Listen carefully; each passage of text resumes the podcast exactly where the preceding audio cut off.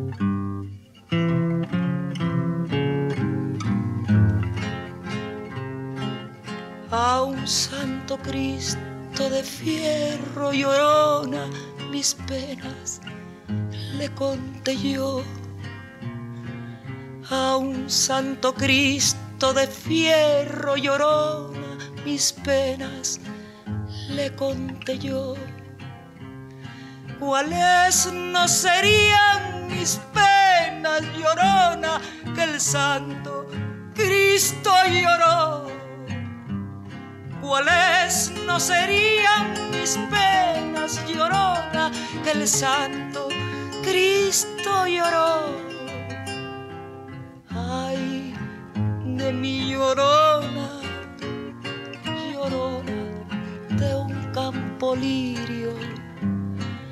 Ay, de mi llorona, llorona de un campo lirio.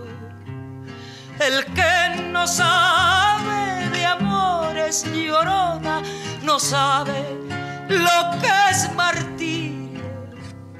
El que no sabe de amores llorona, no sabe lo que es martirio.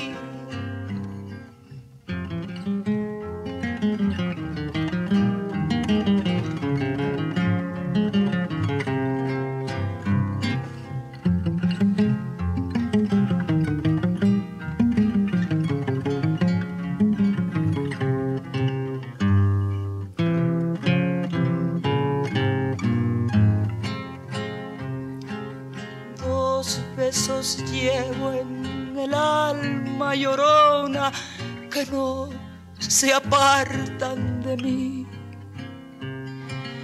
Dos besos llevo en el alma llorona que no se apartan de mí.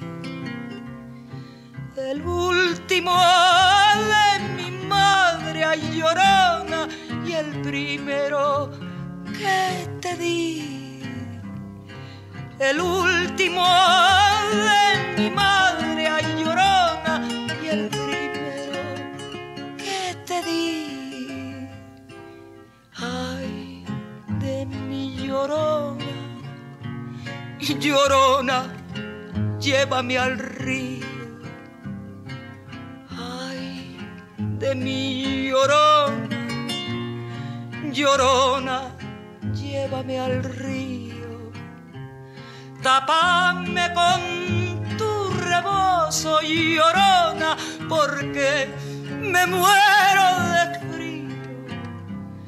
Tapame con tu rebozo, llorona, porque me muero de frío.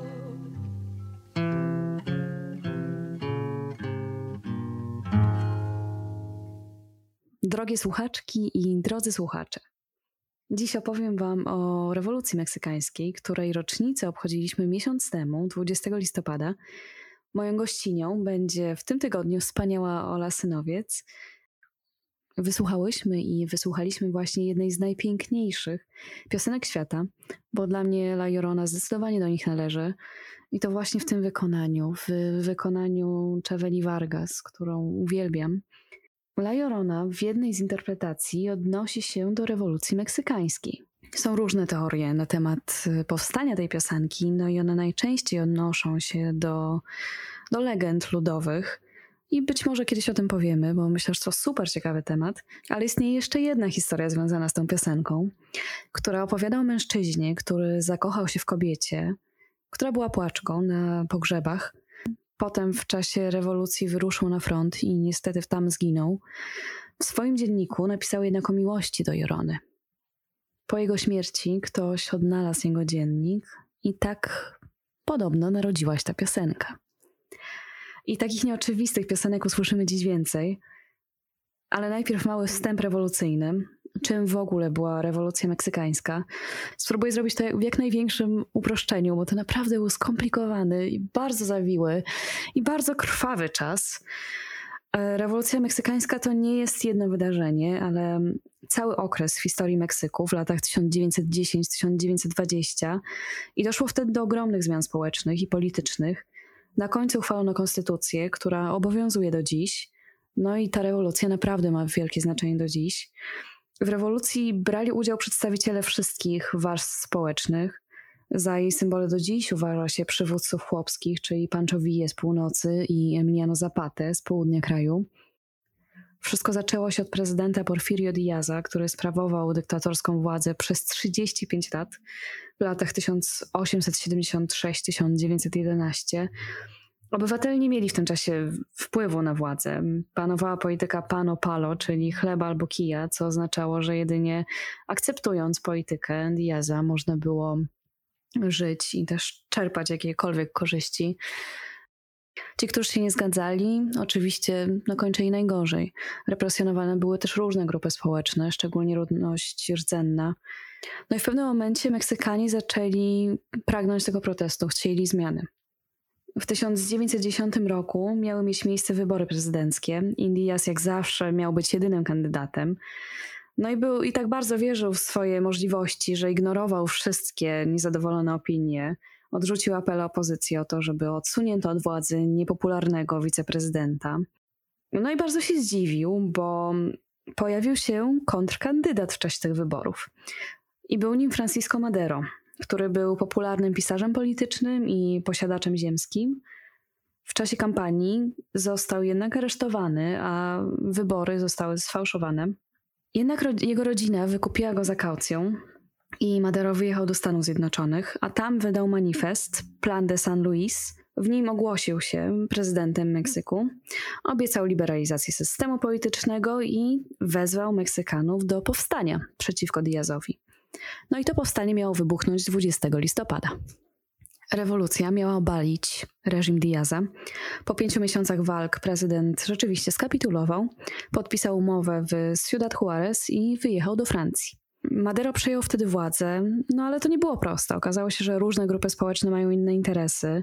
Zaczęła się też walka o władzę, bo było mnóstwo osób o ambicjach politycznych. I w tym burzliwym okresie władzę sprawowali Francisco Madero, potem Victoriano Huerta, który zabił Madero i Venustiano Carranza. No i wszyscy zginęli. Zginął też Pancho Villa i Emiliano Zapata, czyli właśnie liderzy chłopcy, o których wcześniej mówiłam, którzy walczyli o ziemię i o wolność. W 1917 roku nareszcie udało się jednak uchwalić konstytucję, a w 1924 władzę przejął Alvaro Obregón i wtedy zapanowały spokojniejsze, bardziej demokratyczne czasy, choć ostatecznie i Obregon został zamordowany. Po tym wielkim skrócie zapraszam Was na bardzo dużą podróż muzyczną i myślę, że dowiemy się dzięki niej bardzo wiele na temat Meksyku i rewolucji. Dziś jest ze mną Ola Synowiec, reporterka, autorka naprawdę świetnej książki o Meksyku, Dzieci Szóstego Słońca i też autorka bloga Mexico Mágico. Dobrze? Tak, właśnie jest to, ta nazwa była czytana na tyle różnych sposobów, że tylko czekam, jak tak. będzie tym razem, ale tak, o to chodzi. Muszę przyznać, że ćwiczyłam. Tak, ale bardzo dziękuję, że jesteś ze mną, naprawdę się cieszę. Ja też. Porozmawiamy dziś głównie o rewolucji meksykańskiej i takiej też muzyki będziemy słuchać. Więc chciałam Cię na początku zapytać też, ile lat już by, ile lat byłaś w Meksyku? Bo też jestem pewna, że widziałaś jakieś obchody i jak to się wszystko odbywa w czasie rewolucji meksykańskiej. W Meksyku spędziłam 9 lat, mieszkałam tam przez 9 lat i rzeczywiście chyba każdego roku na tego 20 listopada, kiedy wypada e, rocznica rewolucji meksykańskiej 1910 roku, byłam w tym, w tym Meksyku i widziałam różnego typu obchody, bardzo żywe do tej pory, Aha. co jest e, bardzo ciekawe. W ogóle rocznica rewolucji meksykańskiej jest chyba takim jednym z dwóch głównych świąt narodowych w Meksyku, oprócz e, Dnia Niepodległości Meksykańskiej. Mhm. I obydwa święta wydaje mi się, że niemalże na równi hucznie są świętowane. No może ta niepodległość troszeczkę bardziej, ale rzeczywiście do tej pory jest to bardzo hucznie świętowane, a sami bohaterowie tej rewolucji e, meksykańskiej są bardzo, że tak powiem, w Meksyku e, szanowani, upamiętniani. E, jako ciekawe ciekawostkę powiem, że Emiliano Zapata, czyli jeden z takich dwóch najbardziej słynnych liderów rewolucji meksykańskiej obrócz, ob, obok e, Panchavii, jest teraz drugim najpopularniejszym patronem ulic w Meksyku i drugim najpopularniejszym patronem szkół w, wow. w, Meksyku. Co jest wydaje mi się ciekawe pod tym względem także, że jak gdyby ci lewicowi przywódcy, ci lewicowi rewolucjoniści w większości krajów popadli w taką niełaskę historyczną. Jak gdyby um, nie są, że tak powiem, na, na, oficjalnej e, agendzie rządowej, jak gdyby takich bohaterów narodowych. Tak, w większości krajów oni gdzieś tam popadli po prostu w niełaskę historyczną. To jest właśnie o tyle ciekawe, że jak gdyby do tej pory, czyli do 2018 roku, kiedy um, wybrano pierwszego lewicowego prezydenta w historii kraju, ten Meksyk przez te wszystkie lata, tak właściwie, miał rządy, które gdzieś oscylowały wokół prawicy, centroprawicy, mimo że partia, która przejęła władzę po, po, rewolucji, po, po rewolucji meksykańskiej, która się tak naprawdę wytworzyła z, tej, z, tej, z tych jak gdyby liderów tej rewolucji e, politycznych, miała w nazwie słowo rewolucyjne, to była partia rewolucyjno-instytucjonalna, ale ludzie śmiali się przez lata, że to bardziej już instytucjonalna instytucjonalna niż rewolucyjna i ta partia poszła w prawo i rządziła w kraju przez 71 lat bez przerwy. Więc to też jest o tyle ciekawe, że rzeczywiście ta rewolucja choć była jak gdyby tak hołubiona i jest hołubiona do tej pory. Tak, może w jakimś sensie to był efekt tych bardzo niespokojnych czasów, które były od razu po rewolucji i tej częstej zmiany liderów, więc może była to potrzeba jakiejś stabilizacji. Chociaż właśnie też, może też, pewnie to też i pewnie też to, że jak gdyby na tej, na fali tej rewolucji podpisano, podpisano konstytucję 1917 roku i też, że Meksyk e, jako nowo rodzący się kraj, szczególnie jak gdyby ta rewolucja wypadła mniej więcej w setną rocznicę niepodległości Meksyku. I to, że wybuchła, była ta trochę takim um, jak gdyby znakiem, że coś w tym kraju jednak nie idzie dobrze i trzeba by na nowo ukonstytuować ten, jak gdyby tę tożsamość narodową.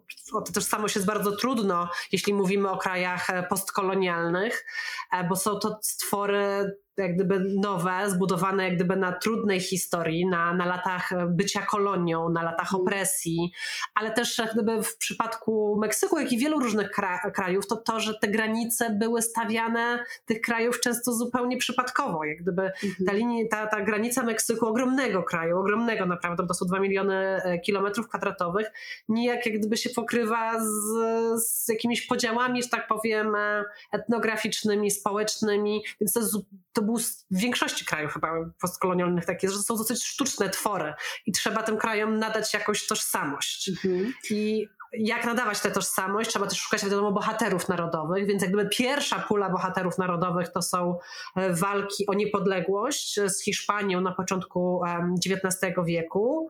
Gdzieś po drodze przewija się jeszcze Benito Juarez, czyli pierwszy prezydent w ogóle e, pierwszy prezydent wywodzący się z ludności rdzennej w ogóle w, obu Amerykach i przez większość tak naprawdę historii jedyny, bo dopiero później Evo Morales w, w Boliwii stał się drugim i ostatnim takim, takim mhm. prezydentem.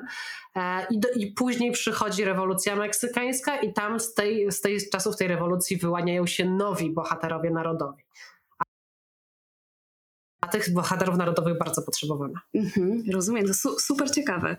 Więc też y, pytanie, o czym teraz się najczęściej mówi właśnie w kontekście tego? No, mówi się o rewolucji w taki pozytywny sposób, właśnie tej budowania tożsamości, konstytucji, która istnieje do dzisiaj. Czy też zwraca się uwagę na coś, co może się nie udało? Jakie są najczęstsze narracje, jakby o czym najczęściej słyszałaś tego dnia w Meksyku? No, jak gdyby narracja w szkołach i podczas tego święta to jest, że Zapata i Villa wielkimi rewolucjonistami byli. Raczej w szkole podchodzi się no tak martyrologicznie, tak raczej wydaje mi się Tutaj wielkiej dyskusji nie ma. Tak jak w polskiej szkole, kiedy mówi się o II wojnie światowej, te dyskusje o, nie wiem, o mhm. słuszności powstania, wybuchu powstania tak. warszawskiego, tego nie ma w szkole. W meksykańskiej szkole też nie bardzo. To są bardzo ciekawe historie, bo jak gdyby też osoby, które stanęły po stronie rewolucji, zmieniały strony w trakcie, w trakcie tego konfliktu. Jedni rewolucjoniści odwrócili się przeciwko innym i tak dalej, i tak dalej. Więc to jest bardzo też ciekawa historia i pewnie można to tak rozpatrywać. I wiadomo, że nic w historii nie jest czarno-białe, tak jak to pamięć historyczna czasem chce nam, chce nam pokazywać.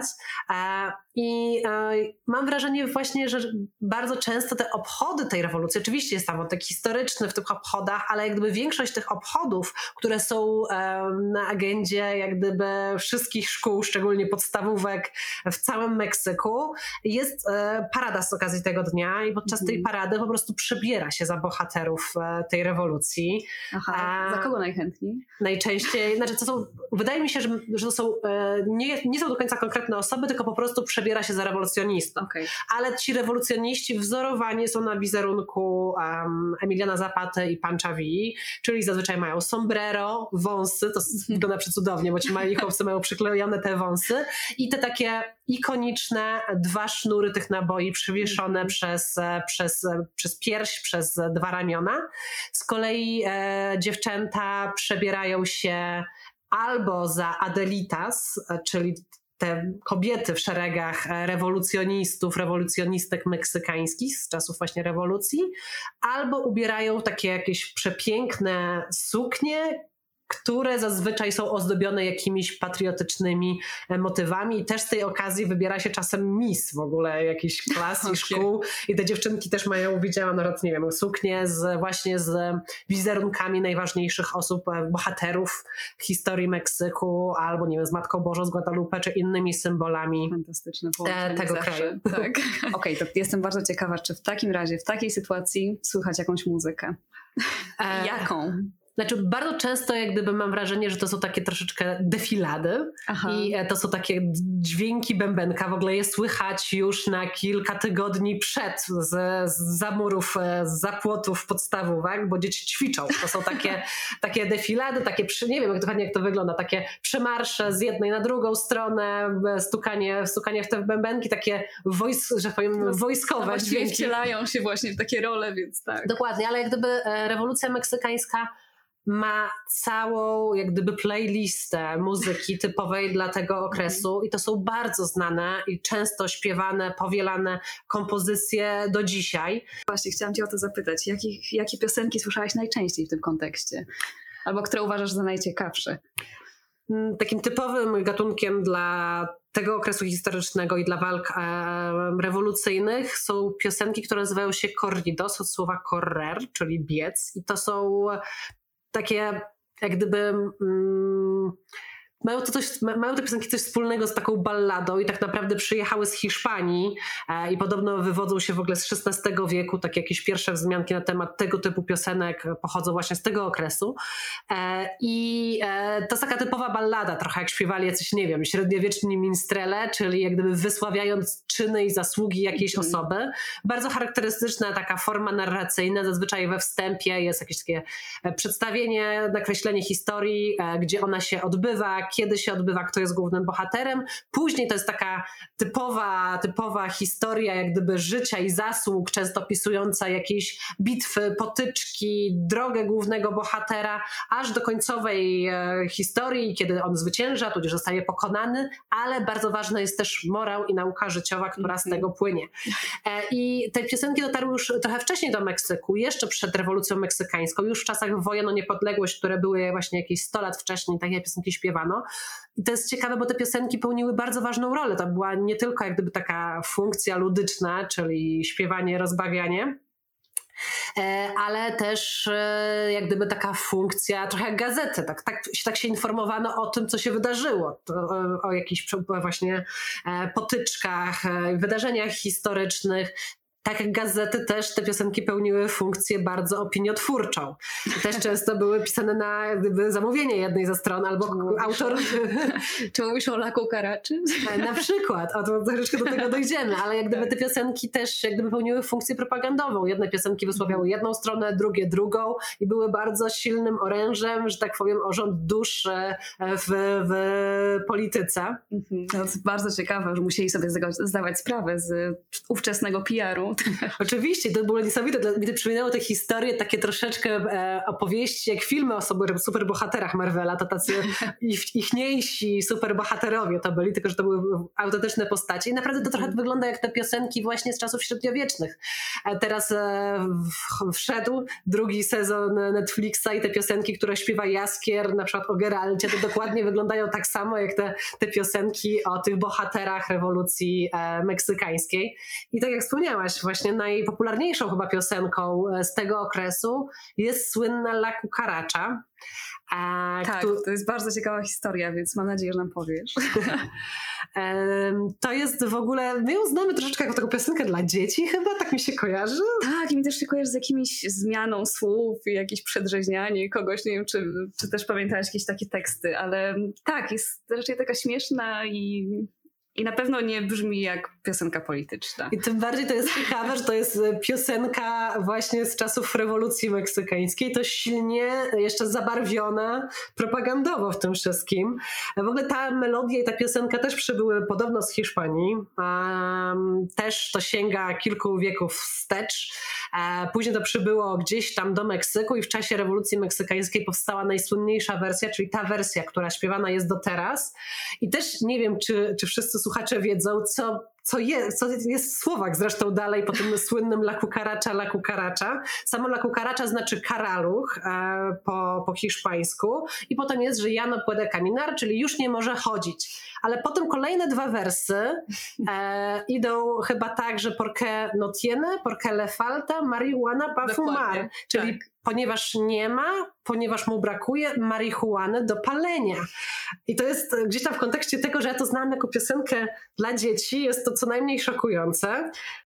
I e, to podobno jest jedna wielka metafora, mhm. jak gdyby dlaczego, o co chodzi z tym karaluchem, kim jest ten karaluch i jest tutaj wokół, dużo wersji wokół tego, ale wszystkie jak gdyby są pewne co do tego, że to jest piosenka śpiewana na cześć i przez oddziały e, Panchavii, jednego z rewolucjonistów meksykańskich i jest skierowana, wymierzona we wrogów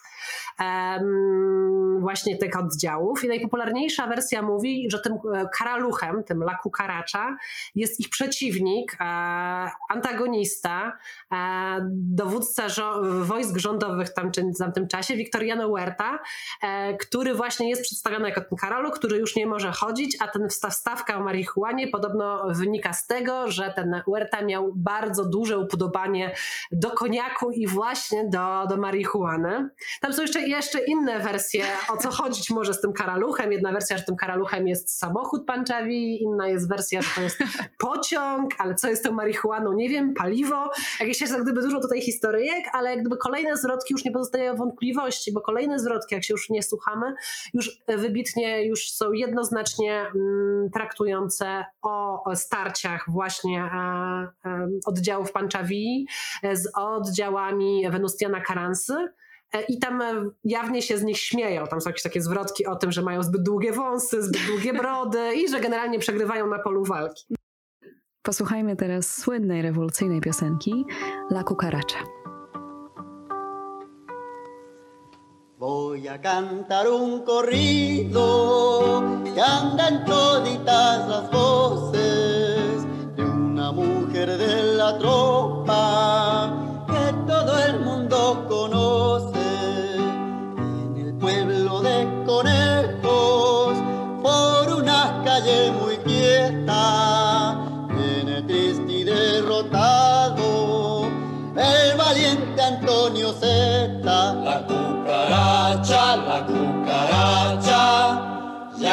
puede caminar porque le falta, porque no tiene marihuana que fumar.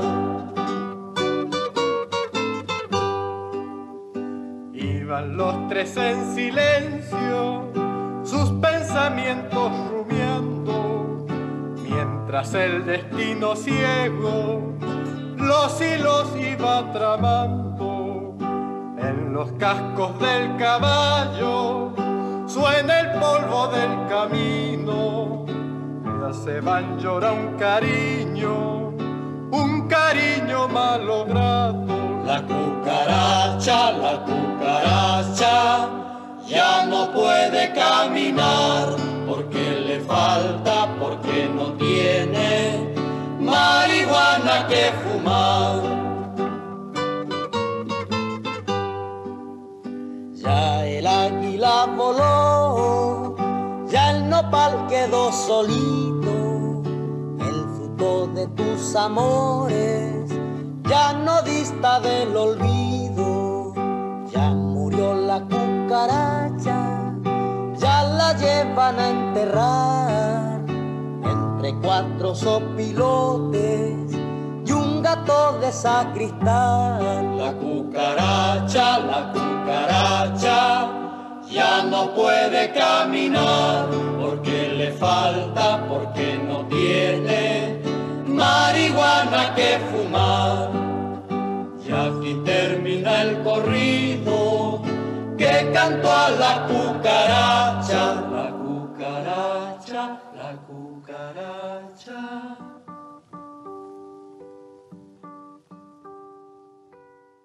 Piosenek właśnie z tego gatunku corridos jest więcej. One do tej pory rzeczywiście, już może nie, nie międzynarodowo, ale meksykańsko są bardzo, bardzo znane i miały bardzo dużą siłę rażenia w tamtych czasach, w czasach rewolucji rzeczywiście.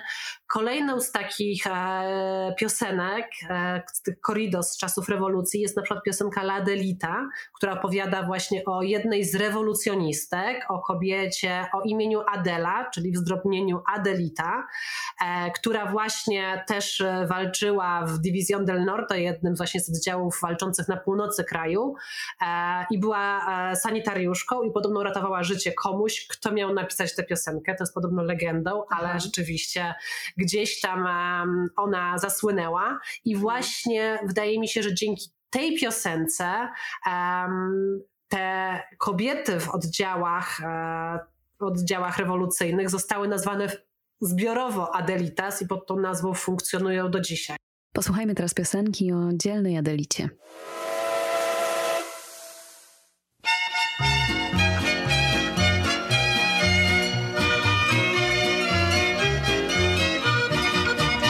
En lo alto de la bruta serranía, acampado se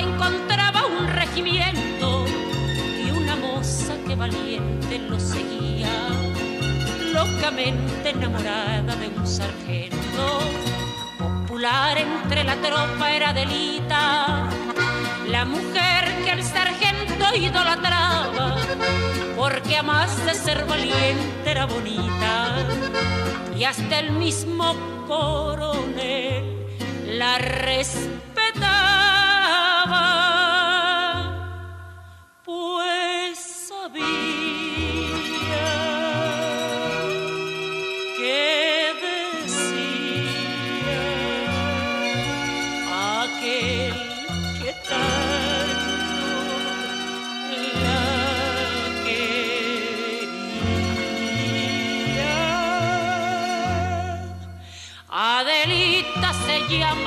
joven a quien yo quiero y no puedo olvidar. En el mundo yo tengo una rosa que con el tiempo la voy a cortar.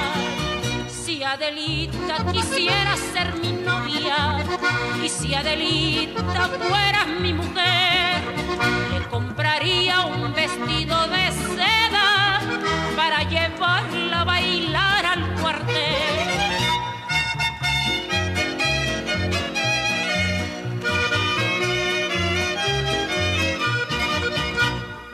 noche en que la escolta regresaba, conduciendo entre sus filas al sargento, en la voz de una mujer que sollozaba, la plegaria se escuchó en el campamento.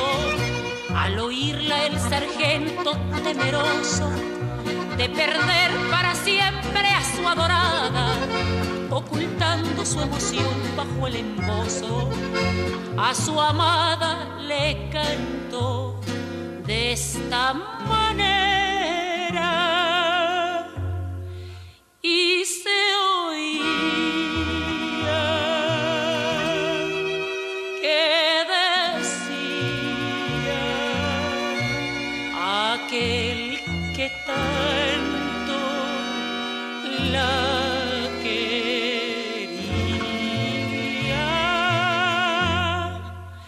Adelita se fuera con otro, le seguiría la huella sin cesar. Si por mar en un buque de guerra, si por tierra en un tren militar, soy soldado y la patria me llama a los campos que vaya a pelear.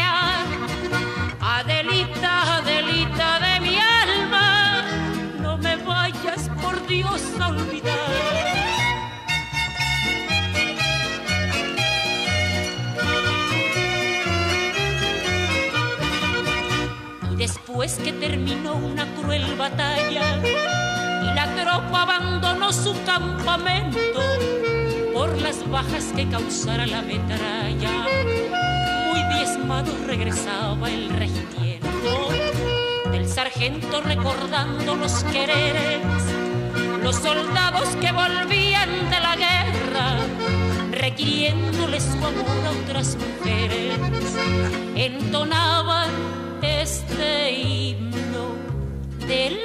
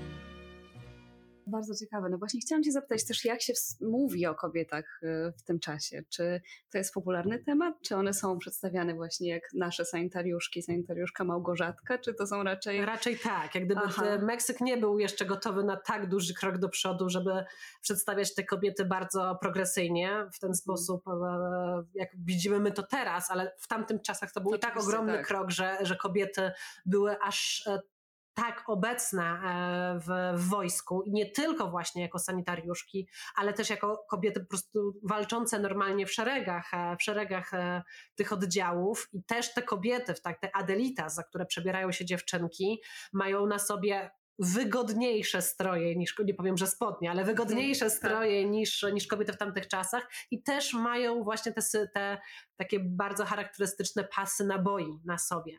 Także to jest już bardzo rewolucyjny Tak, obraz kobiet, ale kiedy się przyjrzymy tym piosenkom, piosence o Adelicie, czy druga jest piosenka też bardzo znana La Valentina o innej e, walczącej kobiecie w tamtych czasach, to niestety no, ten obraz jest taki, że to są e, oczywiście bardzo dzielne kobiety i to się gdzieś tam podkreśla, trochę takie supermenki, e, ale cały czas jest podkreślane do bólu, jakie to one są piękne. Oczywiście. Oczywiście, no jak gdyby kobieta niepiękna nie może być dzielna i gdzieś w, w większości tych piosenek właśnie Corridos o kobietach z czasów rewolucji powtarza się ten motyw, że to śpiewa mężczyzna, który jest w niej w jakiś sposób zakochany. Więc to jest Mhm. wciąż piosenka o miłości, jak gdyby, no ale to i tak jest duży krok. Jak jesteśmy na Tak, i początku, tak jestem pod wrażeniem. jesteśmy na. Tak. początku XX wieku, więc e, na pewno te kobiety, ten wizerunek tej Adelity e, spopularyzowany przez te piosenki bardzo, e, gdzieś wpłynął na pewno na późniejsze kształtowanie się tożsamości kobiet, e, na późniejsze gdzieś, że tak powiem,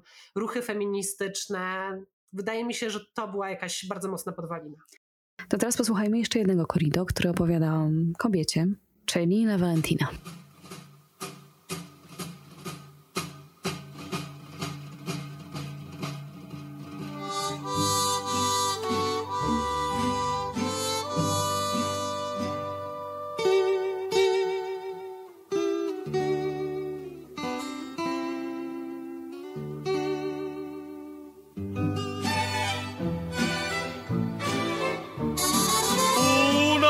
Pasión me domina, fue la que me hizo venir.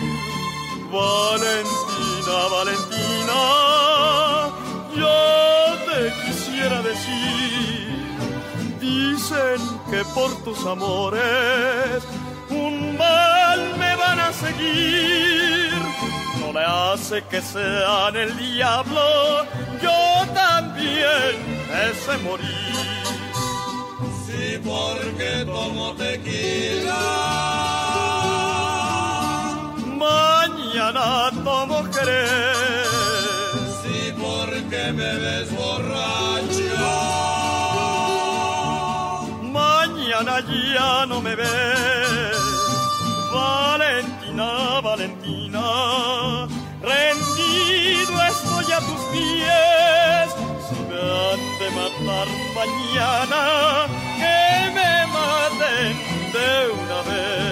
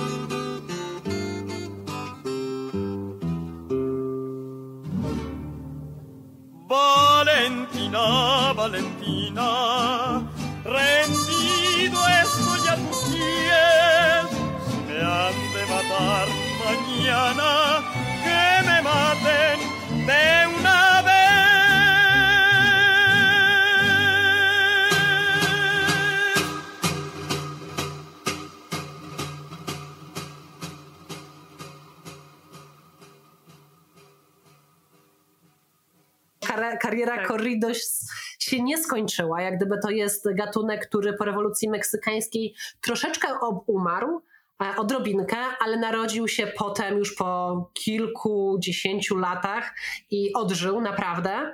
E, I te corridos jak gdyby są takim em, gatunkiem em, tej, tej klasy popularczej, tej najbiedniejszej, najniższej warstwy społecznej, która w ten sposób jak gdyby wyraża siebie i swoje walki. I te corridos rzeczywiście e, żyją w Meksyku w dwójnasób. I myślę, że najpopularniejszym, niestety, jak gdyby kontynuatorem tradycji corridos są tak zwane narco corridos, czyli piosenki wysławiające bohaterów w cudzysłowie, naszych czasów, współczesnych Robin Hoodów, współczesnych rewolucjonistów, znaczy ja to wszystko mówię z przekąsem. Ja, ja widzę, że tak, że... E, czyli, czyli narkos, osoby zamieszane w, w przemyt narkotyków przestępczych zorganizowaną w Meksyku. Mhm. I te narkokorridos pierwsze zaczęły się pojawiać jeszcze w latach 30. XX wieku, a tak naprawdę taki boom gdzieś myślę w latach 80., 90. się zaczął i trwa e, do dzisiaj. I te piosenki, co ciekawe, mają taką samą formę jak te piosenki z lat e, ze średniowiecza o Wiedźminie, znaczy tego równoległego średniowiecza. E, I te same, te same opowiadają historię. opowiadają historię, tylko tym razem wysławiają właśnie tych e, słynnych różnych narkos. I też jak gdyby na końcu zazwyczaj jest morał, który ma czegoś nauczyć i oczywiście, skoro wysławiają narkos, to wiadomo, że sami narkos lubią takie osoby, które, które śpiewają i niektórzy mają właśnie takich swoich nadwornych wręcz śpiewaków, wykonawców narkokorridos, takich swoich nadwornych minstreli co też może być niebezpieczne dla, Tak. takich, e, dla takich wokalistów. I e, jeden z właśnie takich słynniejszych, pierwszych em, wokalistów Narcocorridos, e, Chalino Sanchez, został zastrzelony w 1992 roku. I to rozpoczęło taką falę. To, to był taki Mhm. okres 2006-2008, że ponad 12 osób e, z zespołów grających Narcocorridos zostało gdzieś tam zabite. Niektóre zespoły po czterech członków na przykład potraciły. Może straszne, ale to E, dlatego, że powiedzieli coś nie tak na temat tych, y, tych narkos? Czy no, To jest tak, że oni stworzą trochę świtę Aha. jednego kartelu, a nie drugiego, więc prawdopodobnie ten drugi kartel po prostu gdzieś ich odstrzeliwał. To jest bardzo duża część narkokorridos teraz, em, takiego PR-u, e, PR-u karteli. Kartele trochę działają jak takie świetne korporacje, mają działy HR, działy PR i tak dalej, i tak dalej. I to świetnie im robi na, na wizerunek. I te narkokorridos zazwyczaj e, właśnie właśnie pokazują tych narkos jako takich współczesnych Robin Hoodów, Janosików, którzy zabierają bogatym, dają biednym, którzy walczą z wrogim systemem, robią z nich właśnie bohaterów. I um, z tą całą ornamentyką wokół są takim wzorem dla naśladowania dla, naj, dla młodych chłopaków, e, dziewczyn pewnie też, e, które nie mają za dużo perspektyw e, w dzisiejszym Meksyku, więc są takim wzorem do naśladowania. I jak gdyby oprócz tych narkokorridos, które są jak gdyby tutaj bardzo mają dużą siłę rażenia, jest jak gdyby cała, cała cała reszta ikonografii. I do tego dochodzą jeszcze e, na pewno jak gdyby te ikoniczne, ikoniczny wizerunek narkos z tym karabinem AK-47, z suwem, z bronią, która jest wysadzona diamentami, e, przez cmentarz Jardines de, de Umaya w, w Culiacanie, który wygląda jak luksusowe osiedle. Te groby tam, tych osób zabitych w strzelaninach mają na przykład e, nie wiem, automaty do Coca-Coli albo nie wiem, air condition, a jakieś w ogóle wyglądają naprawdę jak, jak domy e, luksusowe, często o wiele ładniejsze niż domy zwykłych, e, zwykłych Meksykanów. I dochodzimy już do TikToka i tak zwanych narko-TikToków, gdzie młodzi chłopcy po prostu pokazują swoje, e, swoje życie jak z rapowego teledysku. A i to też jest bardzo, bardzo ciekawe, że właśnie te narkokorridos e, pełnią taką rolę trochę takiego gangsta rapu, tylko że w Meksyku. Ale jak się posłucha tego, to to brzmi zupełnie inaczej. To brzmi troszeczkę jak taka muzyka, której by u nas słuchali nasi rodzice, dziadkowie. Może powiem, jak, jaką tę Tak, melodię bardzo, mają bardzo chciałabym, żebyśmy posłuchali. Wiem, że to. No, myślę, że trzeba to dodać, że będziemy słuchać te, te narkokorridos w takim kontekście, że po prostu jest bardzo ciekawe jako zjawisko. Tak. Dokładnie, bo jak gdyby w Meksyku jest duża dyskusja, czy należy zbanować te narkokorridos, czy można je puszczać w radiu, czy Mhm. można organizować koncerty tej muzyki, czy powinno się tę muzykę puszczać w klubach. I była taka dosyć duża batalia na ten temat. Prezydent Mhm. Meksyku Vicente Fox chciał tego zakazać. Poszczególni senatorowie, politycy też próbowali. I nawet w którymś momencie w stanie Sinaloa gubernator tego zabronił, żeby puszczać tę muzykę w, w budynkach użyteczności publicznej typu bary czy restauracje, ale Sąd Najwyższy odrzucił to, uznał to za niekonstytucyjne, godzące w wolność słowa. Z kolei chyba w stanie Chihuahua, w mieście Chihuahua burmistrz rzeczywiście tego zakazał i są wlepiane dosyć duże mandaty za, e, za granie publicznie tego typu Ale muzyki. ciekawe. E, Z taki najpopularniejszy, jeden z najpopularniejszych zespołów grających Narco Corridos, e, Los Tigres del Norte. E, został ukarany karą grzywny w wysokości 500 tysięcy pesos, czyli 100 tysięcy złotych mniej więcej, za zagranie tego na jakimś evencie publicznym, plus tyle samo dostali niż organizatorzy tego koncertu. Wow, nie, niesamowite.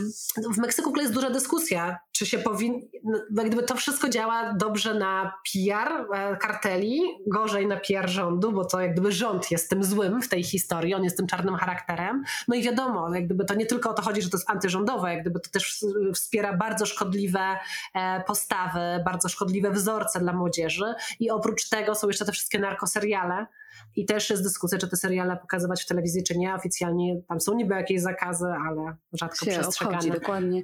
Ale to też bardzo ciekawe, no bo to jest trudna dyskusja, czy można zakazać muzyki. No i też pytanie, czy ludzie tak czy siak nie będą jej słuchać. No to jest sfera, do której trudno wejść po Jest internet, jak gdyby dokładnie. i tak tego będą słuchać i tak. Um, bardzo ciekawe, masz rację, szczególnie, że ta muzyka zaczęła iść w takim bardzo niebezpiecznym kierunku. Jak gdyby jak w każdym gatunku muzycznym są tam różne nurty. I jak gdyby te pierwsze piosenki Narco Corridos, one były takie dosyć niewinne właśnie, także nie było tam dużo krwi, używano takich metafor, nie mówiono kokaina, tylko proszek, nie mówiono e, karabin, AK-47, mm. tylko mówiono rogi kozła, takie tam są różne metafory Aha. i zazwyczaj było ta, to motto takie, znaczy ta puenta, taka, taki morał na koniec, który tak, miał takie generalne przesłanie, takie zazwyczaj no, takie generalne wartości, no, takie mhm. uniwersalne wartości gdzieś tam były poruszane, ale w którymś momencie e, jak gdyby to odbiło w taką bardzo brutalną stronę. Ten, e, ten cały ruch się nazywa Movimiento Alterado i e, tam już wprost jak gdyby te piosenki ociekają krwią i taka mhm. chyba najgłośniejsza piosenka, która zaczęła ten, ten cały ruch jakieś 10, może 10 z hakiem lat, lat temu, wprost tam jak gdyby podmiot liryczny mówi, że on uwielbia zabijać, więc ten nowy, ten nowy ruch, tak zwane pios, takie piosenki, e, canciones enfermos, więc takie chore piosenki, gdzieś tam ociekają rzeczywiście tą krwią. W ogóle o wokaliście tego zespołu, e, Los Bucanas de, de Culiacan, powstał też film dokumentalny, bardzo dobry, nazywa się Narkokultura. Zestawia się tam historię jego i historię um, policjanta, jeśli dobrze pamiętam, który jeździ do znalezionych po prostu trupów gdzieś wojny narkotykowej. Zostawiając te dwa obrazy, wow, dwie historie, jest to bardzo, bardzo, sposób, tak, żeby... bardzo silny, silny mhm. obraz. Możemy posłuchać tej okropnej piosenki, czy nie? Tak, zróbmy to. Tej okropnej? tej, tak. bo to jest hymn, to jest wręcz hymn, okay, tak jest nazywane. Jest ważne, Gdzieś słyszałam w jakimś wywiadzie, że ktoś inny z tej branży muzycznej, tych narkokorridos, nazwał tę piosenkę takim hymnem i porównał to do We Are The World. O, Tylko, że to jest We Are The World światu, świata narko. No myślę, że to też dużo mówi o bardzo wielu rzeczach. Strasznie. Ale przerażające. Dobrze, ale posłuchajmy, bo to naprawdę ciekawa historia. No teraz przed nami Narco Corrido. Jedna z zwrotek tej piosenki odnosi się bezpośrednio do rewolucji, o czym powiedziała mi Ola, kiedy już y, skończyłyśmy nagrywać ten wywiad. I mówi mniej więcej tak. Myślą jak rewolucjoniści, jak Pancho Villa walczący w partyzantce. Oczyszczają ziemię z bazuką. Robią huk. Trochę straszne. Posłuchajmy Movimiento Alterado.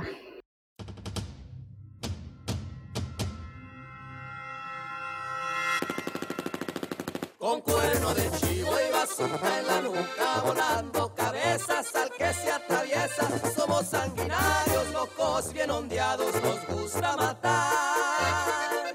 Para levantones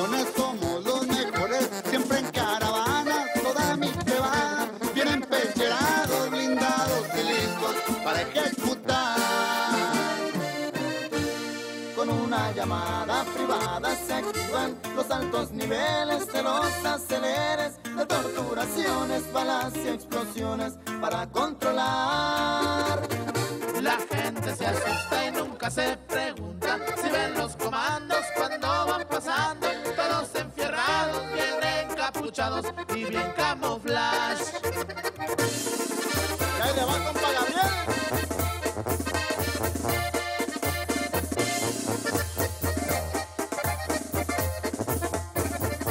Posłuchajmy Movimiento Alterado.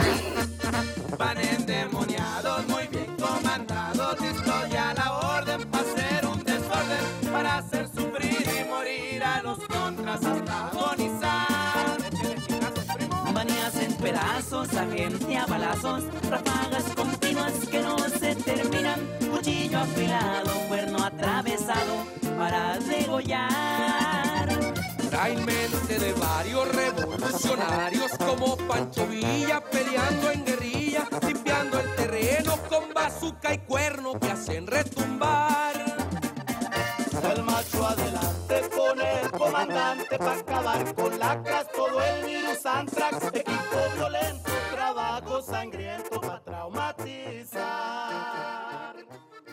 Tak, to zaczęłaś też y, mówić mi wcześniej o, ogólnie o strukturze i o, o melodii, jaką wyróżniają się corridos, więc może wróćmy do tego tematu, bo już przesłuchałyśmy tej zadziwiającej piosenki. Nie powiedziałabym w życiu, że tekst może mówić o czymś takim. No To przecież jest w ogóle koszmar. W tym filmie jest takie ujęcia, że oni grają koncerty i tam cały tłum kobiety, dzieci śpiewają, drą się właśnie, że uwielbiam zabijać. Ten cały tłum na tych koncertach. No to jest taka biesiadna piosenka, to jest ogóle to jest niesamowite właśnie, już o tym e, wspominałam wcześniej, że to jest taka, ta melodia jest taka dosyć nie- nietypowa, bo jak gdyby ta muzyka pełni dos- dokładnie tę samą funkcję, co gangsta rap w Stanach czy tam w innych krajach, a to jest e, taka, że tak powiem, e, taka jak przyśpiewka biesiadna, przypominająca troszeczkę, nie wiem, jakiejś szła dzieweczka do laseczka gdzieś tam. Tak, by, bywałam w moim życiu na weselach, na których była taka muzyka.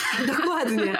I, I w ogóle to jest dosyć ciekawe, wydaje mi się, że tam się z tym kojarzy, bo ta muzyka w ogóle em, ma korzenie że tak powiem, z naszej części świata. Jak gdyby to jest muzyka, której cała rytmika e, opiera się na trzech głównie gatunkach muzycznych, na Polce, na Walku i na Mazurkach. Niesamowite. E, I w ogóle często bywa tak, że e, Meksykanie znajomi jak gdyby śmieją się do mnie, że to przez ciebie mamy tę muzykę. Że jak gdyby to twoja wina, bo to przyszło z Polski, znaczy z Polski, z okolic, wiadomo, nie tylko z samej Polski. Polska, Czechy, Niemcy, jak gdyby ten typ e, muzyki, te rytmy przybyły do, do północnego Meksyku z, z imigrantami po prostu z naszej części świata. Em, Wow, jest fascynujące, naprawdę. i to jest e, też e, bardzo ciekawe, że właśnie gdzieś tam to się tak dobrze zdomowiło i poszło w tak dziwacznym kierunku. I jak gdyby ta muzyka Narco Corridos głównie jest wykonywana przez jak gdyby dwa typy zespołów. Jeden z nich to, to jest tak zwane zespoły muzyki norteño, czyli muzyki z północy Meksyku, której e, oprócz tam gitar, perkusji, takim charakterystycznym elementem jest akordeon i to najczęściej ten akordeon, który ma przyciski po obu stronach. Mi się ten akordeon bardzo kojarzy z naszą częścią Europy, to z Rosją mi się bardzo kojarzy i zazwyczaj właśnie z tego typu akordeon. I drugi typ muzyki to jest muzyka tak zwana banda, e, która też jak gdyby jest charakterystyczna w tym momencie dla północy Meksyku, a wywodzi się co ciekawe z takich orkiestr wojskowych i to były głównie orkiestry dente, coś jak orkiestra strażacka nasza, że głównie właśnie jest sekcja denta plus jakaś tam perkusja. I też śpiewają podobną muzykę, w sensie podobne Znaczy- teksty, tak? A jak gdyby ta, ta muzyka gdzieś tam zaczęła się, zaczęła wychodzić z wojska Aha. e, do, że tak powiem, do osób świeckich, e, e, do cywilów w połowie XIX wieku i na początku to były takie orkiestry miejskie po prostu. Tak? I do tej pory takie orkiestry istnieją. Bardzo ciekawe w ogóle do tej pory są nagrania, kiedy takie orkiestry właśnie poszczególnych miejscowości grają jakieś popularne przeboje. Na Despacito w którymś momencie jakaś e, orkiestra z Oaxaki grała tego typu, ale gdzieś na północy Meksyku to zaczęło się właśnie przekształcać troszeczkę i ta, ta banda zaczęła jak gdyby wyglądać troszeczkę inaczej i to właśnie zespoły z, na początku głównie z, ze stanu Sinaloa, czyli z tego stanu, skąd pochodzili bohaterowie tego pierwszego sezonu Narcos Mexico, skąd pochodzi El Chapo Guzman, to oni jak gdyby nadali temu taki sznyt i to oni zresztą wprowadzili e, do tego e, wokalistę. Wcześniej to były zespoły sam, sam tylko instrumentalne, wokalista pojawił się dopiero e, tam i to była, jeśli dobrze pamiętam, banda El Recodo, czyli jedna z takich najpopularniejszych. I to wtedy oni śpiewali też o tych bohaterach, których znamy z Narcos, tak? E, tak, jak gdyby, te, te, jak gdyby byli chłopaki stamtąd, więc to były aktualne, aktualne tematy. Potem te dwa gatunki zaczęły się, zaczęły się mieszać i teraz w niektórych, to się nazywa teraz banda norteño i tam w niektórych na przykład em, w zespołach jest i akordeon i ta sekcja denta i w tej poprzedniej e, melodii była ta dobrze dobrze gdzieś tam słyszalna sekcja, sekcja denta, a ta banda w ogóle tak wśród takich zwykłych Meksykanów mam wrażenie, że trochę funkcjonuje takie disco polo. Że to jest takie, że jak u nas się mówiło słucham wszystkiego poza disco polo, to w Meksyku mówi się słucham wszystkiego poza banda. E, jest też taki kanał, jak u nas, nie wiem, Polo TV to się chyba nazywa, tak. to jest u nich Banda Max, która leci w ogóle w większości jakichś przybytków gdzieś na północy Meksyku, typu, nie wiem, takerie i tak dalej. I tam lecą te teledyski i zresztą w tym biznesie jest ogromna kasa, ogromna, ogromna kasa. Jeśli chce się robić teledyski, chce się pracować w studio, to najwięcej pieniędzy właśnie jest w tych gatunkach muzycznych. I te teledyski są przepiękne. Polecam sobie w ogóle wpisać gdzieś, e, gdzieś Szkoda, na, że nie możemy wam pokazać, ale Na słuchajcie. YouTube mam nadzieję, że posłuchamy sobie jakiejś jeszcze innej kiczowatej piosenki. Tak, tak, musisz ją wybrać. Może niekoniecznie tym razem już o narkos, może pewnie o miłości, bo większość piosenek jednak jest o miłości. No musimy mieć jak- jakieś dobre zakończenie, jakiś dobry morał, tak sądzę. Ale polecam zobaczyć te teledyski, bo one są tak przerysowanie kiczowate. I jeszcze te zespoły zazwyczaj są tak ustawione, że te, te zespoły są bardzo liczne. To jest kilkanaście osób zazwyczaj i wszyscy równo tańczą i, i gdzieś tam się ruszają w rytm muzyki. I wszyscy mają takie same kiczowate wdzianka. Zazwyczaj takie kolorowe garnitury z jakimiś cekinami, brokatami. Oni są takie odległości od siebie, bardzo często nad jakimś wodospadem, czy jakimś trawniku, Oj, czy tak, jakimś rancho. takie. Wygląda to absolutnie przepięknie. Może masz jakiś ulubiony, to może... Mam ulubione. To Okej. było tak, że kiedyś odpoczywaliśmy pod sklepem, siedzieliśmy chyba pół godziny i ta piosenka leciała non-stop. Jak gdyby w, e, chyba ten od, kawałek ma z 500 milionów odtworzeń na YouTubie i wydaje mi się, że połowa należy do tej sprzedawczyni z tego sklepu, bo puszczała go non-stop i to skiczowata piosenka o miłości. Uwielbiam ten kawałek, po prostu jest takim, jak to się mówi, guilty pleasure, takim earworm, po prostu jak go zacznę słuchać, to nie mogę skończyć. Okej, podbijmy im te wyświetlenia, więc, więc posłuchajmy. Posłuchajmy teraz bandy Los Sebastianes i piosenki A Través del Vaso.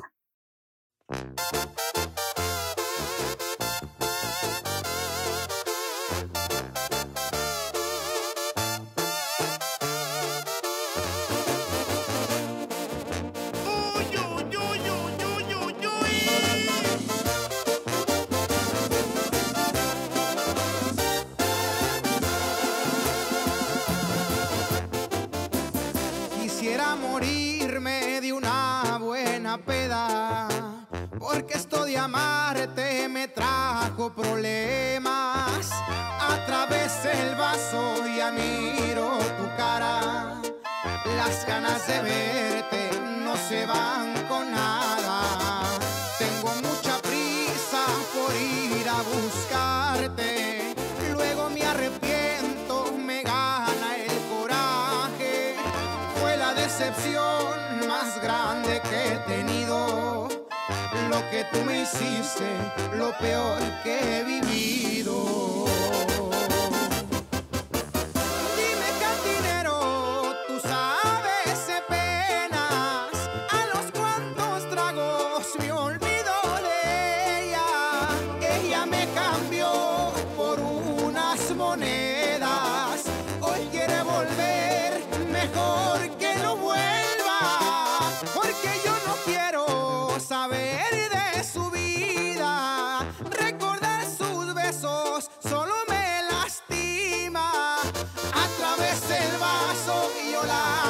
Viendo, porque como un loco la sigo queriendo, la sigo queriendo. Y todavía te sigo queriendo, chiquitita. Poniosło nas już bardzo daleko w tym kierunku, więc może wrócimy chociaż na moment do rewolucji i porozmawiamy o tym, o czym nagrywa się społecznie zaangażowaną muzykę teraz, bo jestem pewna, że jest jej dużo w Meksyku. Jasne, jak gdyby są nowe problemy, jest ich w Meksyku dużo, jest dużo walk społecznych, jak gdyby mhm. Meksyk e, walczy i też jak gdyby te walki często jak gdyby są skierowane przeciwko rządowi, to jest jak gdyby dużo lokalnych, różnych sporów, um, więc e, to jest niesamowite, jak artyści meksykańscy są w to, te, te walki społeczne zaangażowani. Kiedy przyjechałam do Meksyku pierwszy raz w 2011 roku, nie mogłam po prostu w to uwierzyć. Jak gdyby gdzieś dostrzegam dosyć duży kontrast między gdyby zaangażowaniem polskich artystów, a, a tych meksykańskich. A, nie wiem, artyści plastycy skrzykują się na dany temat, wyrzucają właśnie takie apele, że tworzymy w tym miesiącu na ten temat i pojawia się mnóstwo sztuki, murale i tak dalej, i tak dalej. Muzycy właśnie się też skrzykują. Za chwileczkę też powiem o kilku takich dużych, dużych Świetnie, e, tak. projektach, gdzie artyści skrzyknęli, żeby jak gdyby w piosence solidarnościowej z jakąś sprawą. I wtedy właśnie mi się wydawało, że ojej, szkoda, że czegoś takiego nie ma w Polsce, ale zauważyłam, że w ostatnich latach zaczęło się tutaj bardzo dużo zmieniać, więc No też było dużo protestów, które były. Tak, mieliśmy też dużo powodów. osób, tak. Więc, więc, więc super, ale rzeczywiście Meksyk i skala te, tego zaangażowania artystycznego wtedy naprawdę mnie poraziła. I było w ostatnich latach takich kilka właśnie dużych pospolitych ruszeń. Takich piosenek solidarnościowych, coś właśnie w stylu We Are the World, czy właśnie Moja i Twoja Nadzieja, tylko że w odróżnieniu od tych projektów, jak gdyby e, te projekty były takie mainstreamowe, jak gdyby po linii wszystkich, nie były kontrowersyjne, to artyści meksykańscy zazwyczaj e, biorą stronę tych najbardziej represjonowanych em, grup społecznych, dyskryminowanych i często biorą tę stronę, która jest stroną em, antyrządową. Często właśnie te, te spory to jest jakaś grupa kontra rząd. Chociażby na przykład jedna z takich piosenek solidarnościowych bardzo, bardzo głośna e, była o zabójstwie studentów z Ayotzinapy, 43 studentów w roku 2016, którzy, których autokar został zatrzymany przez wojsko i tych 43 studentów zniknęło. Znaczy wiadomo, że nie żyją, e, ale... Ale nadal nie wiadomo, co dokładnie się co wydarzyło. dokładnie się wydarzyło, ale wiadomo, że zamieszane były w to władze stanowe. E, więc na przykład tego typu spór. Druga głośna piosenka, na przykład e, piosenka biorąca stronę ludu, ludności grupy etnicznej Jaki, która od e, lat prowadzi już tak zwaną wojnę o wodę, tak zwaną pierwszą meksykańską wojnę o wodę z rządem stanu Sonora, ponieważ rząd postawił tam ogromny akweduk, który czerpie z, z tak powiem, jedynej głównej rzeki przebiegającej przez tereny tej ludności, a to jest pustynia, więc jak gdyby pozbywanie, po, pozbawianie ich tej wody jak gdyby no, e, jest katastrofalne dla tej ludności. A też y, w to nie, przerażające, prawda? A w to włączyli się też lokalni artyści? Czy to byli artyści, którzy przyjechali tam, żeby opowiedzieć o tym problemie i żeby każdy o tym usłyszał? Jak gdyby ta, ta, ta ludność jak najbardziej walczy i w wielu przypadkach jak gdyby to, to jest też tak, że sama ludność rdzenna, walcząca też jak tak gdyby ma swoich artystów, które, którzy na te tematy śpiewają, mają swoich artystów plastyków, jak gdyby ten ruch jest gdzieś tam duży i wydaje mi się, że te właśnie oddolne ruchy społeczne bardzo dostrzegają rolę sztuki. I to też nie jest tak, że ktoś musi przyjechać, jakiś wielki artysta z miasta Meksyk, żeby coś, żeby wpaść na taki pomysł. Oni sami jak najbardziej też to robią, ale wiadomo, że jeśli e, taką piosenkę nagrywają największe sławy muzyki alternatywnej w, w Meksyku, e, to będzie się to lepiej, lepiej niosło i trafi do większej, I to większej jest ilości ważne osób. w tej sytuacji dokładnie, żeby coś zmienić bardzo często. I na przykład e, raz był sukces i wydaje mi się, że właśnie dzięki takiemu społecznemu zaangażowaniu, artystycznemu za- zaangażowaniu, mówię tu o ludności z Korei, grupie etnicznej Wiraritari, zwanej, znanej jako Wichole, którzy od lat prowadzili jak gdyby taką e, wojnę przeciwko mm, kopalni srebra, przeciwko kanadyjskiej firmie, która chciała postawić kopalnię srebra na ich świętej pustyni, na ich świętej ziemi. Według, według nich tam powstał ich świat. Oni co roku odbywają pielgrzymki na tę pustynię. Ta pustynia jest znana też z tego, że e, tam rośnie pajot, czyli psychoaktywny kaktus, e, który jest uważany za święty przez tę grupę etniczną. I może też dzięki temu trochę, trochę to się dalej, dalej poniosło, bo jak gdyby środowiska alternatywne lubią, lubią rośliny Tak, na psychoaktywne. pewno. Ale nagrano wtedy piosenkę Wirikuta no se vende, Wirikuta se defende. Wirikuta to jest ta pustynia, czyli Wirikuta e, się nie sprzedaje, Wirikuty się broni. I nagrali to naprawdę, nagrał to naprawdę jedne z największych sław muzyki alternatywnej e, w, w Meksyku. Były organizowane koncerty solidarnościowe do tej sprawy. I dzięki, wydaje mi się, temu rozgłosowi e, odłożono jak gdyby budowę tej kopalni o lata i na razie ona, póki co z tego co wiem, nie rusza. Posłuchajmy teraz o Wirikucie. Serieta,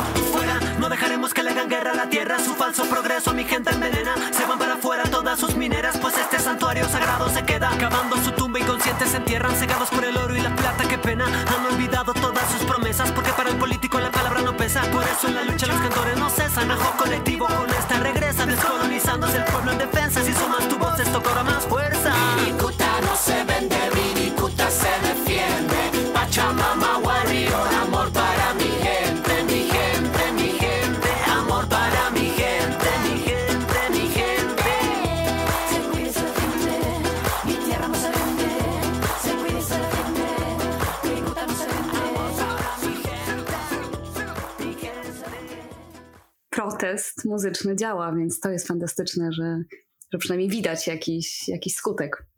To jest absolutnie, absolutnie niesamowite. Mhm. E, I taki projekt właśnie jest bardzo dużo. Naprawdę ja teraz tylko wymieniam kilka takich, tak. takich największych. Jest zresztą cały projekt e, e, artysty, który nazywa się Gran Om i tak notabene wcześniej pracował e, robiąc teledyski dla muzyki Banda, ale zrezygnował z tej ogromnej kasy, żeby właśnie zacząć projekt, który nazywa się Videoclipi Diskurso wideo, wideoklip i dyskurs, dyskurs tak, tak. po logicznie. E, I jak gdyby on też skrzykuje artystów danego gatunku muzycznego, żeby opowiedzieć o jakimś e, problemie, o jakiejś walce społecznej. I tak na przykład skrzyknął artystów um, um, hip-hopowych, żeby opowiedzieć o strajkach nauczycieli. Skrzyknął, skrzyknął właśnie artystów regowych, żeby powiedzieć o wojnie e, o wodę ludności Jaki. Była też piosenka ekologiczna, kiedy wokalistki i raperki meksykańskie opowiedziały o zagrożeniach, jakie, o zanieczyszczeniu tak naprawdę jeziora Bacalar, które jest bardzo popularne wśród, wśród turystów, a ta turystyka powoduje powolną śmierć tego, tego jeziora i też pradawnych jakby um, systemów, e, ekosystemów i e, takich jednych z najstarszych w ogóle organizmów na Ziemi, które nazywają się stromatolity, które tam żyją, a także to też pomogło to nagłośnić, nagłośnić e, sprawę jak gdyby zanieczyszczenia tego to jeziora. Sposób przekazania tego przez muzykę czyni te, te skomplikowane problemy bardziej lekkostrawnymi mhm. i tak naprawdę e, mi jak gdyby ułatwiły zrozumienie jak gdyby sedna niektórych tych problemów, e, które są gdzieś tam popularne, ale jak gdyby rzeczywiście one często trafiają w sedno. Nie tyle opisują jak gdyby właśnie takie wydarzenia historyczne, jak gazety, jak gdyby, że tak powiem, z taką reporterską wstrzemięźliwością, ale trafiają właśnie do sedna, do natury. Jeśli mówimy o ludności rdzennej, często odwołują się do ich mitologii, do ich innego patrzenia na świat. Jak gdyby idą o wiele głębiej, zataczają szersze kręgi, jak gdyby też to czyni te piosenki takimi piosenkami uniwersalnymi, takimi piosenkami, w których możemy odnaleźć się my i nasze problemy również polskie, wydaje mi się. Tak, zdecydowanie tak sądzę i myślę, że moglibyśmy czerpać z tego jakąś inspirację. Wydaje mi się i, i sądzę, że nie tylko ja tak sądzę, jedną z najbardziej rozpoznawalnych grup, które stale walczą i które też w jakiś sposób odnoszą się do rewolucji, to są zapatyści. I też chciałam Cię zapytać właśnie o to, bo wiem, że wiesz coś więcej na temat zapatystów, bo mieszkałaś w Chiapas. E, nie wiem, czy dobrze wymawiam, znowu przepraszam. Bardzo dobrze. Tak, ale właśnie chciałam Cię zapytać, o co, o co właściwie teraz walczą zapatyści? Czy to jest cały czas. W jaki sposób jest to związane z rewolucją? Dlaczego jednak odwołują się cały czas do zapaty? Zapatyści to jest lud, rdzenna ludność ze stanu Chiapas, która od e, lat 80. już tak naprawdę organizuje się i walczy, a zbrojnie od lat 90. o jak gdyby niespełnione ideały rewolucji 1910 roku. Um, oni um, uważają, że jak gdyby te zapisy, które pojawiły się w konstytucji podpisanej na fali tej rewolucji w roku 1917, czyli wciąż obowiązującej konstytucji w, w Meksyku, ideały, które mówią o równości wszystkich ludzi w Meksyku, do tej pory nie zostały spełnione i że tak naprawdę wciąż w Meksyku są równi i równiejsi, a ci najmniej równi i grupa jak najbardziej, wciąż najbardziej dyskryminowana, to, to jest ludność rdzenna Meksyku, która wciąż w praktyce e, nie w teorii, ale w praktyce posiada jak gdyby mniej praw niż, niż cała reszta społeczeństwa. I oni powstali zbrojnie, żeby jak gdyby o te prawa się głośno upomnieć. Walkę zbrojną porzucili po 12 dniach, później zaczęli, jak mówili sami, walczyć słowem. E, ale po nieudanych e, pertraktacjach z rządem, jak gdyby od, zerwali z nimi wszystkie stosunki i organizują się teraz sami w trzecim etapie swojej walki, e, czyli w budowie swoich własnych autonomii, które są takim państwem w państwie niemalże, które istnieją do tej pory na terytorium stanu Chiapas i są rządzone samodzielnie przez zapatystów, którzy starają się jak gdyby budować ten swój lepszy świat na swoich zasadach, na zasadach takiej właśnie rdzennej demokracji, tak bym powiedziała. Też trochę jak gdyby um, odrywam ten ruch od ruchów e, lewicowych z reszty świata, jak gdyby to nie za dużo ma wspólnego też e, z jakimś tam komunizmem, socjalizmem, co pewnie jak gdyby gdzieś te ruchy rzeczywiście sympatyzują między sobą i grupy lewicowe z całego świata z zapatystami i tak dalej, i tak dalej, ale wydaje mi się, że samo sedno gdzieś tam się opiera jednak na takiej rdzennej, rdzennych relacjach, jak gdyby mm. raczej z tego, raczej e, sami, sami zapatyści pewnie mało czytali Marksa, a raczej gdzieś się wzorowali na tym, mimo że pewnie gdzieś tam są jakieś inspiracje, gdzieś tam dalsze. No ale to już e, temat na inną dyskusję. tak, ale, ale i tak się pojawiają na koszulkach na przykład i tak dalej, bo wydaje mi się, że staje się pewnego rodzaju symbolem na całym świecie lewicowości. Tak, tak, tak, oczywiście, jak najbardziej. I e, mówi się w ogóle, że zapatyści są takim e, nową maskotką e, lewicowców, e, którym się już przejadły koszulki z Che Guevarą. Coś w tym jest. Tak. Coś w tym pewnie jest.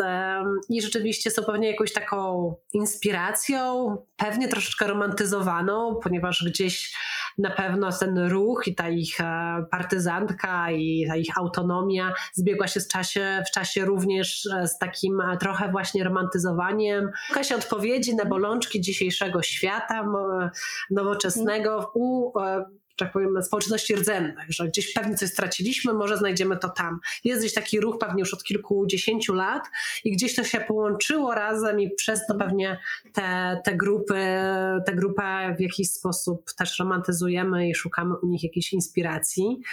Um, i oprócz tego właśnie, że walczyli słowem, bronią, teraz e, budują, walczą swoją pracą, jeśli tak to można nazwać, to też ta sztuka wydaje mi się, że od, ma tam bardzo ważną rolę. Wydaje mi się, że bardziej sztuka wizualna. Ja na ten temat w ogóle już co nieco napisałam, też organizowałam wystawę sztuki zapatystów tak, w Warszawie. Tak, zapytać o to. Gdzie troszeczkę jak gdyby spróbowałam, nie, gdyby nie, nie, jest, nie mam wykształcenia artystycznego w tym kierunku, e, ale starałam się znaleźć się jak gdyby takie cechy charakterystyczne tego jak gdyby nurtu, jeśli tak można znaleźć, tej sztuki zapatystowskiej, e, ich, ich malarstwa, to też jest często haft, bo to jak gdyby tradycyjnie mhm. kobiety do tej pory tam haftują, więc to też są hafty, jakieś takie scenki tematyczne i to jest bardzo ciekawe, właśnie o tym e, wczoraj myślałam, tak trochę myśląc o, o, naszej rozmowie, że tam są takie postaci bardzo często, takie postaci, um, takie symbole, które pojawiają się w tej sztuce i to najczęściej są rolnicy, którzy w tych kominiarkach albo tych swoich chustkach typowych e, dla, dla mhm. zapatystów, które mają chronić jak gdyby ich tożsamość, to tym samym bezpieczeństwo przed siłami rządowymi, robią różne rzeczy, więc to są rolnicy najczęściej, które uprawiają te swoje pole wspólnie, kolektywnie. E, wiadomo, mm, sami partyzanci, bojownicy o sprawę i też bardzo często pojawiają się tam mm, E, osoby jak gdyby z mediów, jak gdyby e, zapatyści, czy z własnych mediów zapatystów. To często są, jest zapatysta z kamerą, czy zapatystka, e, nie wiem, dźwiękowiec z tym wielkim takim mikrofonem. I to rzeczywiście są takie postacie, które często się gdzieś pojawiają, a bardzo mało jest na tych przedstawieniach muzyków. I zaczęłam zastanawiać się dlaczego. Bo jak gdyby ta muzyka jest, jak się pójdzie do zapatystów, ja rzeczywiście mieszkałam tam przez 9 lat tuż obok zapatystów i uczestniczyłam praktycznie we wszystkich wydarzeniach, które organizowali, mhm. czyli w rocznicach powstania, w festiwalach artystycznych, w zjazdach kobiet i tej muzyki jest tam bardzo dużo. Ci sami zapatyści bardzo dużo tej muzyki tworzą i jak się pójdzie na przykład na, taki, taką rocznicę powstania zapatystów, notabene to jest Sylwester nasz, bo to powstanie wybuchło 1 stycznia, to tam gra muzyka non-stop i głównie grana przez samych zapatystów. Czasem zaprasza właśnie jakiegoś muzyka z zewnątrz, tych właśnie znanych artystów e, sceny alternatywnej, Meksyku. Raz pojawił się w ogóle zupełnie niespodziewanie Manu Chao wow. z koncertem, nie, znaczy nie, z niespodzianką, ale w końcu tak, coś tam tak. zagrał. Ale coś w tym jest, że on chyba to robi, tak? On jest tak, jest wielkim tak. sympatykiem zapatystów, podobnie jak Rage Against the Machine i w ogóle ten Manu Chao kiedyś tam się pojawił e, i siedziała koło niego moja znajoma i tak zagadała, mówi, siedzą obok, to zagada i pyta go, a kim, a kim ty jesteś, nie? A, e, a jestem muzykiem. A, e, a skąd pochodzisz? A tam, no Francja, Hiszpania. A, a w jakim zespole zespole grasz? No w Manu Chao. Ona tak na niego patrzy, Wow, ale Sylwester. Niezła impreza. No ale oprócz tych wszystkich znanych okay. muzyków grają też zespoły rekrutujące się z zapatystów. To wygląda przepięknie, bo na tej scenie, po tych wszystkich przemówieniach i tak dalej, wychodzą muzycy mm, i muzyczki w kominiarkach, zamaskowani w tych strojach ludowych jeszcze do tego. I to są, nie wiem, zespoły hip-hopowe, zespoły rockowe. Byłam na koncercie, gdzie grały same zapatysty artystki, kobiety w tych długich warkoczach, w ludowych strojach, w kominiarkach z gitarami elektrycznymi, szalejące na scenie jak Mick Jagger, super. więc naprawdę to jest, to jest super. Um, ale gdzieś tam mam wrażenie, że wciąż tej muzyki, gdzieś tam mało ją widać na zewnątrz i też mało tych piosenek zapadystów się śpiewa, a szkoda. Tak, no właśnie jestem zaskoczona, bo też mówiłaś y, o tym, że mają całkiem dobrze, całkiem dobrze działają i w mediach społecznościowych, no i byli, dbali też o, o to, co wypuszczają, jakie treści wypuszczają na zewnątrz. Tak, zapatyści więc... mają świetny PR. Dokładnie, więc jest to super zaskakujące, że nie poszli też w muzykę. Piosenki mogłyby się nieść. Jest takich kilka piosenek, jest coś mm. takiego, co się nazywa Imno Zapatista, hymn zapatystów. Tak, posłuchamy go. E, e, I są też piosenki, takie typowe corridos tak naprawdę. Corridos, które żywcem są wyjęte z tych czasów rewolucji meksykańskiej i przeniesione na grunt zapatystowski. Jest corrido o Marcosie, czyli takim mhm. najbardziej znanym tutaj jednym z przywódców e, tej zbrojnej rebelii. E, jest jakaś też piosenka o Ramonie, o jednej właśnie z kobiet tam walczących, a to corrido o Marcosie brzmi dokładnie jak te, te na melodię tych, tej muzyki norteño. Tam jest właśnie ten, ten akordeon, ten taki e, biesiadny, trochę taki przaśny, taka rytmika i jak gdyby ta piosenka spełnia te wszystkie normy tych, tych, wszystkich, tych wszystkich piosenek, e, ale rzeczywiście gdzieś to, oprócz tego hymnu zapatystów, który gdzieś tam wydaje mi się, że jest znany, przynajmniej jak byłam na jednym z eventów, ten hymn był tam śpiewany i wszyscy go śpiewali. Te słowa mhm. znali rzeczywiście wszyscy. Ja przyznam wtedy, ja go wtedy jeszcze nie znałam. Ale teraz już znasz słowa. Nie, do tej pory się nie nauczyłam chyba powinnam, bo trochę się czułam jak na żylecie na Legii, że wszyscy śpiewają, a ja nie e, i że lepiej śpiewaj, e, ale e, rzeczywiście wszyscy to znali, też obcokrajowcy, jak gdyby rzeczywiście wszyscy, wszyscy ten hymn gdzieś tam, gdzieś tam śpiewali. A ten sam hymn już jak gdyby nie nosi znamion Corridos jako takich, to raczej taki hymn, że pójdziemy, zdobędziemy i takie mamy wartości. Raczej, mm. raczej, raczej tak.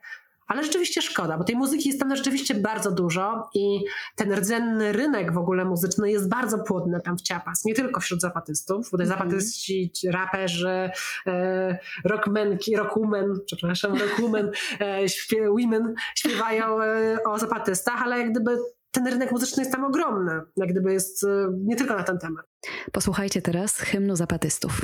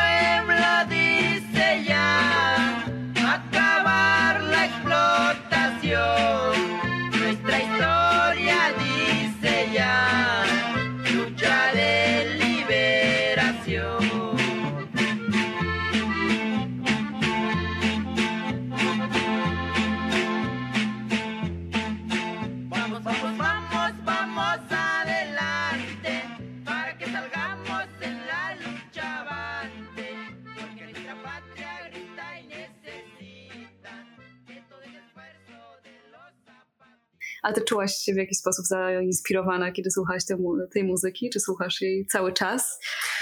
Tak, jak gdyby przez muzykę w ogóle świetnie można też zrozumieć naród i wydaje mi się, że to, że muzyka meksykańska jest taka, a nie inna, świadczy o niej w jakiś sposób. Właśnie zaczynając od, tych, od tej muzyki rewolucyjnej, która do tej pory, podobnie jak sama rewolucja, jest niemalże święta. Przez to, że wyewoluowało to w takim kierunku jak narkokorridos. Niesamowite. Niesamowite. Z drugiej strony, jak ta muzyka jest e, właśnie zabawowa, jak służy właśnie temu, żeby się bawić. I pokazuje, jak Meksykanie uwielbiają, uwielbiają się w tym wszystkim bawić, ale jednocześnie muzyka służy do wyrażania jak gdyby też problemów, które są w kraju i jak świetnie przez muzykę rzeczywiście się walczy, jak muzyka zwiększa zasięgi tych małych, niepopularnych e, walk, które często są toczone przez właśnie te grupy etniczne, które są najbardziej wykluczonymi w kraju. I kolejna rzecz w tej muzyce, wydaje mi się, jeśli mówimy o walce grup etnicznych, to jest to, że ta muzyka etniczna te takie muzyka ludowa meksykańska jest coraz popularniejsza w Meksyku. I to też na pewno daje taką silną tożsamość, jak gdyby Meksykowi, tym grupom wykluczanym, jak gdyby teraz jedny, takimi, jednym z popularniejszych gatunków muzycznych wśród moich znajomych jest muzyka ludowa son jarocho z wybrzeża e, Zatoki Meksykańskiej, ze stanu Veracruz. Najbardziej popularna piosenka z tego gatunku to jest La Bamba, swoją drogą, którą też znamy, Aha.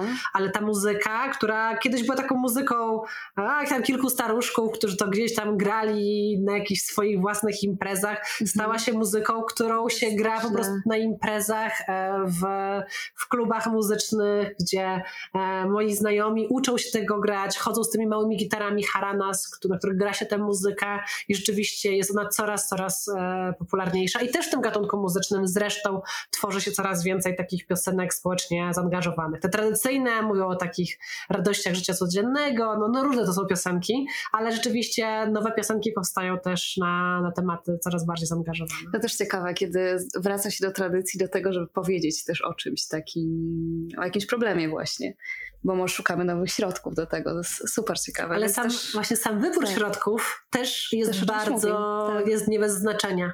I to, że ta właśnie muzyka ludowa, to jak dużo jest właśnie muzyki w, w językach rdzennych też świadczy, że o jakiejś dużej, dużej zmianie w społeczeństwie, mam nadzieję, która się początku, zaczyna powolutku od muzyki, mam nadzieję, że pójdzie o wiele, wiele dalej. Tak, myślę, że tak. I bardzo się cieszę, że o tym rozmawiałyśmy i naprawdę bardzo Ci dziękuję. Jestem teraz bardzo zainspirowana, żeby szukać tylko więcej i słuchać więcej. No i też może by coś zmieniać przez muzykę, bo to fantastyczne, że ona może ma taką siłę. Albo przez takie audycje. Ha, ha, ha, oby. Bardzo Ci dziękuję. Naprawdę cudownie było Cię usłyszeć. Dzięki za zaproszenie. A i też powodzenia z książką, bo to już niedługo. Tak, będzie niedługo moja druga książka. Tak. To będziemy czekać. Dziękuję, że słuchałyście i słuchaliście o rewolucji meksykańskiej. Do usłyszenia za dwa tygodnie. Udanych świąt, jeśli je obchodzicie. A na sam koniec nie możemy zapomnieć o mariachi. Mariachi, których znamy dziś, też zawdzięczają dużo rewolucji. Oczywiście ludowi śpiewacy byli obecni w Meksyku dużo, dużo wcześniej, ale to w czasach przedrewolucyjnych do kraju zaczęło napływać coraz więcej trendów z zagranicy, w tym też inne instrumenty, które były wtedy łączone z klasą wyższą. E, do tego popularna była opera. Po rewolucji muzyka klasyczna wymieszała się z popularną i bardzo dobrze to słychać właśnie u mariachi.